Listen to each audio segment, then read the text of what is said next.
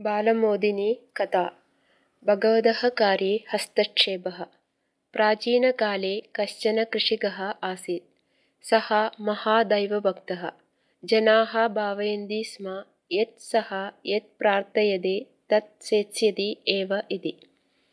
तस्य उभे पुत्र्यौ ज्येष्ठा कृषिकाय दत्ता कनिष्ठा च कुम्भकाराय। कदाचित् सः ज्येष्ठपुत्र्याः गृहं गतवान्। तदा पुत्री तम् उक्तवती। आबहुभ्यः दिनेभ्यः वृष्टिलक्षणं न दृश्यते।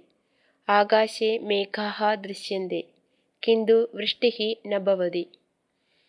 जलाभावकारणतः सस्यानि शुष्कानि जायमानानि सन्ति। अतः भवान् अस्मन्निमित्तं प्रार्थयतु।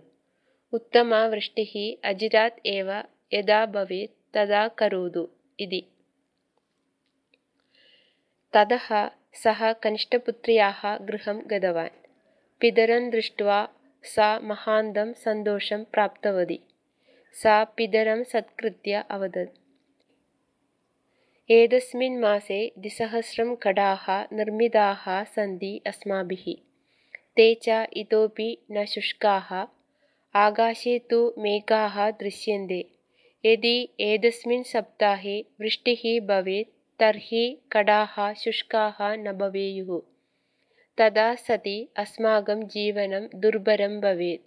अतः भवान् एतस्मिन् मासे वृष्टिः यदा न भवेत् तदा भगवन्तं प्रार्थयतु कृपया इति। पुत्र्योः अपेक्षयोः परस्परविरोधः आसीत्। एतदवसरे किं करणीयम् इति सः कृषिकः न ज्ञातवान्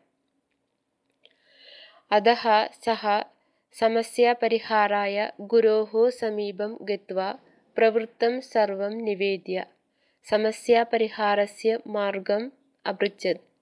तदा गुरुः अवदत् प्रार्थना सर्वदा अपि स्वार्थरहिता भवेत्।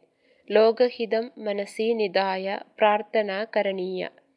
तत्तस्य प्रारब्धकर्मणः आधारेण भगवान् फलं ददाति प्रार्थना भवतः कार्यं। तत् भवान् श्रद्धया करोतु। फलदानं भगवतः कार्यं। तत् सः प्रारब्धकर्मानुगुणं करोति। भगवतः कार्ये हस्तक्षेपः न उचितः इति।